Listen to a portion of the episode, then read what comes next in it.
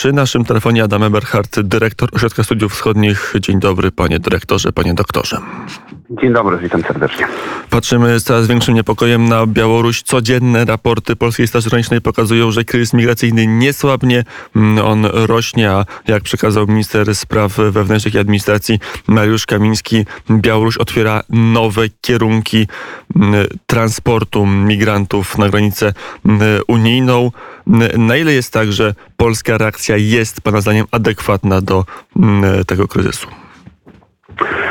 No to jest oczywiście bardzo wieloskładnikowy element. Po pierwsze, y, to co y, robimy, to staramy się y, uszczelniać granicę, która na odcinku polsko-białoruskim w znacznym stopniu ona nie jest demarkowana. To znaczy ona jest demarkowana, ale jest pozbawiona płotu, zasieków, jakichkolwiek środków ochronnych, więc to jest pierwszy element. I, właściwie kluczowy, prawda? To znaczy aktywność Straży Granicznej, która uniemożliwia y, nielegalne przekraczanie y, granicy, no, ponieważ zdają sobie oczywiście sprawę z kwestii humanitarnych, które stoją za y, tragedią oszukanych migrantów, y, to no, jest ryzyko, że jeżeli pozwolimy na przeniknięcie małej grupy y, przez granicę, to po tygodniu władze białoruskie wprowadzą tam średnią grupę, a po miesiącu dużą grupę albo bardzo dużą grupę i będziemy mieli kryzys migracyjny podobny do tego, co było 6 lat temu na Bałkanach. Dlatego oczywiście no, to, co trzeba robić, to trzeba być konsekwentnym. Zresztą również to jest y, sprawa y, relacji z państwami bliskowschodnimi. Władze litewskie, gdy kryzys się rozpoczął, negocjowały i częściowo wynegocjowały na przykład z Irakiem, żeby wstrzymał rejsowe połączenia lotnicze pomiędzy miastami irackimi a Białorusią. No ale oczywiście to jest trochę tak, że możliwych potencjalnych kanałów przerzutu migrantów, czy to z Bliskiego, czy z Środkowego Wschodu na Białoruś jest y, bardzo dużo. No i władze białoruskie oczywiście to robią. Przy okazji, podkreślmy, zarabiając na tym jeszcze pieniądze. E, a jakich reakcji oczekuje od y, Polski Aleksander Łukaszenko, jego reżim? Jakie zachowania polityczne, społeczne najbardziej są, y, najbardziej są po jego myśli? No, on by chciał oczywiście powrócić na ścieżkę dialogu na własnych y, warunkach, to znaczy chciałby uznania przez Unię Europejską y, jego legitymizacji politycznej. Chciałby, żeby y, państwa Unii Europejskiej zrezygnowały nie tylko z nakładania kolejnej transzy y, kolejnych, kolejnych sankcji na Białoruś, ale również, żeby te sankcje zostały zniesione. No i to jest, to jest oczywisty szantaż. Szantaż, że jeżeli nie będziecie chcieli zaakceptować tego, że yy, rządzę na Białorusi i mam prawo yy, w dowolny sposób dokręcać śrubę własnemu społeczeństwu, w dowolny sposób represjonować y, białoruskie społeczeństwo. Jeżeli będziecie nakładali sankcje, no to ja wam, ja dysponuję potencjałem y, czynienia wam krzywdy, kłopotów na wschodniej granicy strefy Schengen Unii Europejskiej. A samo rozgrywanie tego konfliktu, kto ma rację, panie dyrektorze? Jedna strona, strona rządowa mówi nikogo nie wpuszczać, trzymać granicę zamk zamkniętą, bo jeżeli ją rozszczelnimy, to o to właśnie chodzi Łukaszence, bo dowiezie kolejnych migrantów, czy może jednak jest część racji w tym, co mówi opozycja, czy część e, opozycji, że Łukaszence zależy na kryzysie humanitarnym, na tym, aby ci migranci ginęli na terytorium polskim, terytorium Unii Europejskiej, żeby móc to potem wykorzystywać w propagandzie, że Zachód jest bezduszny.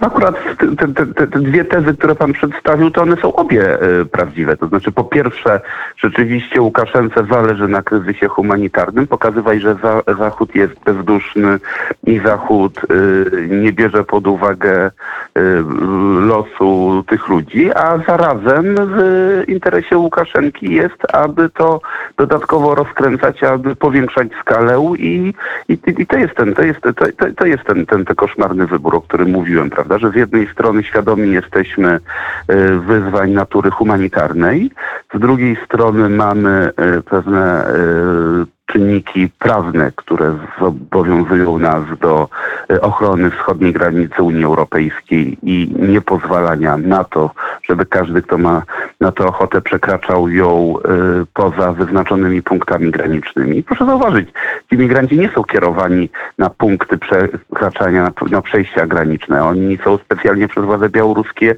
kierowane e, na tą, tą zieloną granicę, prawda? Na, na, na, na, na, na, na, na miejsca, w którym nie można przekraczać, po to właśnie, aby wygenerować konflikt. No i poza oczywiście tym czynnikiem humanitarnym, poza czynnikiem y, prawnym jest y, niezwykle istotny czynnik natury y, politycznej, to znaczy jakiekolwiek ustępstwa, jakiekolwiek, jakiekolwiek działania, które pozwalały, to znaczy akceptowanie faktu, że podstawiani na naszą granicę są migranci, będzie zwiększało wyłącznie skalę. To nie jest tak, że jeżeli grupa 30 czy 50 migrantów zostanie przyjęta y, przez zieloną granicę przez polskie służby, to graniczne, to wówczas y, kryzys się zakończy. Nie, to tym bardziej ten kryzys się rozwinie, ponieważ Łukaszenka zobaczy, że on działa, on zobaczy, że to jest efektywny model destabilizacji, tylko ciągle jeszcze za mało, więc trzeba to zwiększyć. Proszę pamiętać,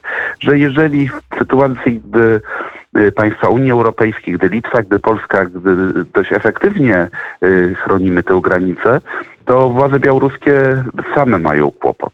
Znaczy nie są w stanie, nie są w stanie y, pozbywać się migrantów, których wcześniej przywieźli na Białoruś.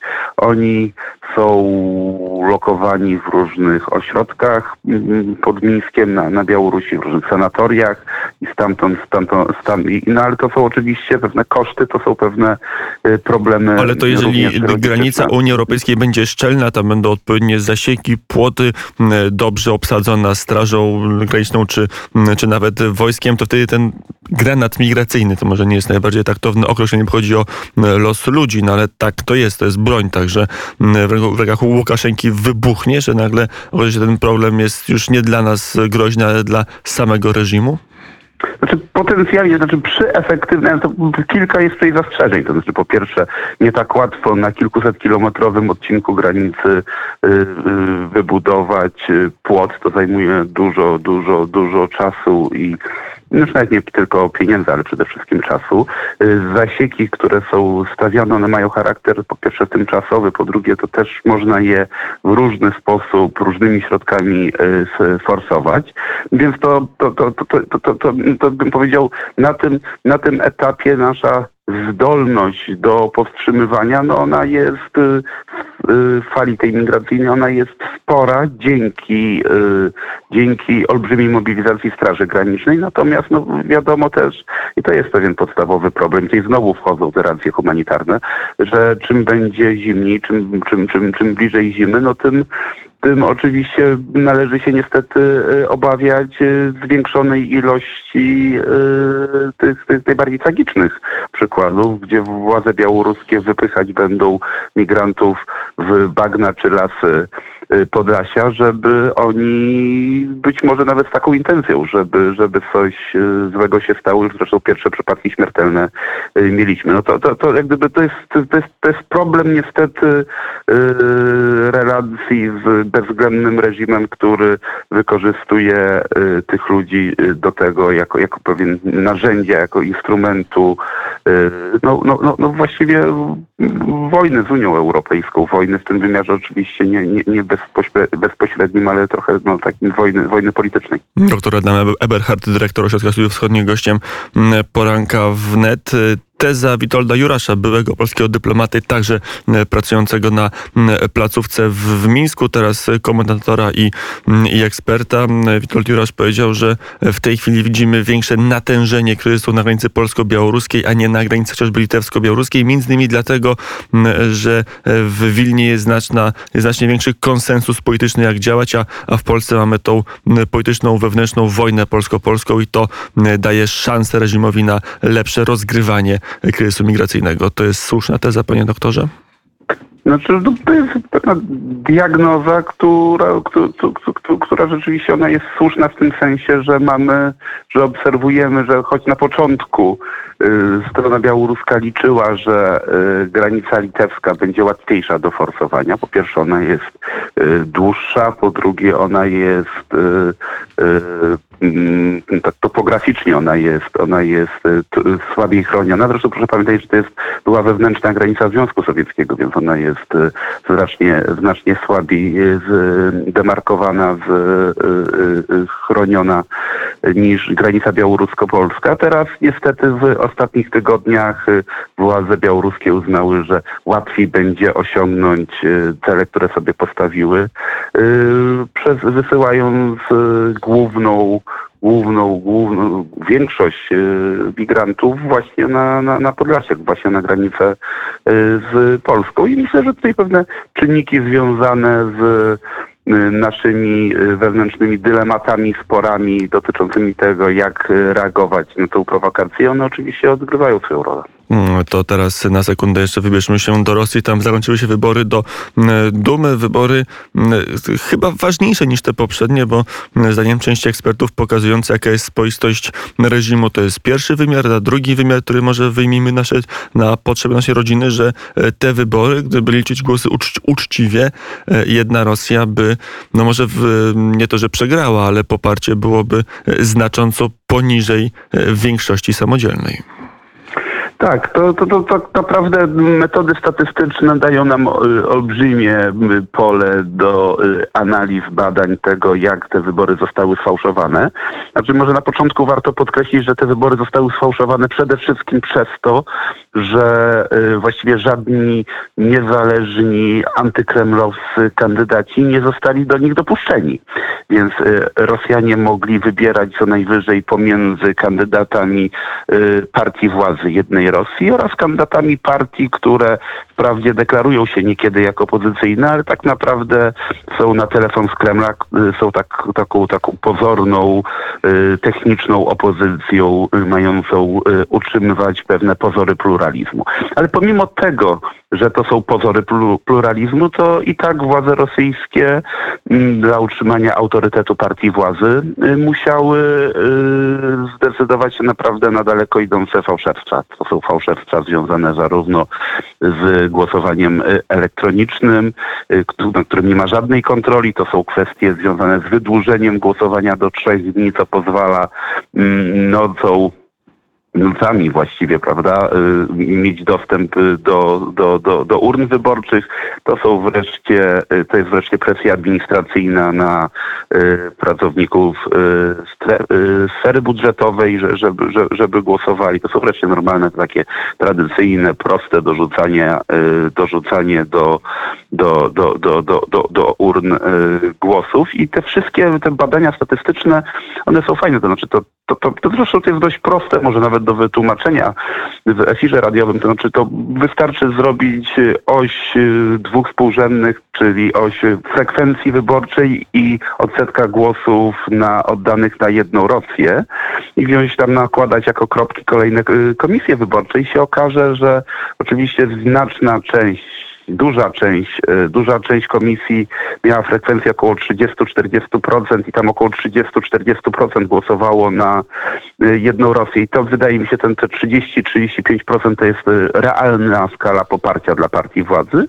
Natomiast później jest bardzo dużo komisji, gdzie ta frekwencja rosła aż do 100% i zarazem równomiernie rosło poparcie dla partii władzy. To oznacza, że ta została sfałszowana frekwencja, zostały dorzucone, doliczone fałszywe głosy oddane rzekomo na, na, na, na jedną Rosję. I, I to oczywiście pozwoliło sfałszować wybory w tym sensie, że zamiast pewnie tam 30-33% y, ogłoszono wynik, w którym na partię władzy zagłosowało, zagłosował co drugi Rosjanin. No to co z tego wynika dla praktyki rządu Władimira Putina, który pewnie lat temu 10, e, gdyby wystartował w uczciwych wyborach, to by wygrał i na prezydenta, jego partia też by wygrała, może nie miałaby samodzielną większość bez większego kłopotu. E, teraz już tak by nie było. Jak to wpłynie na, na zakres działań władzy Władimira Putina? To, to znaczy to wszystko pokazuje, że Rosjanie są zmęczeni stagnacją, którą, z którą kojarzy jej się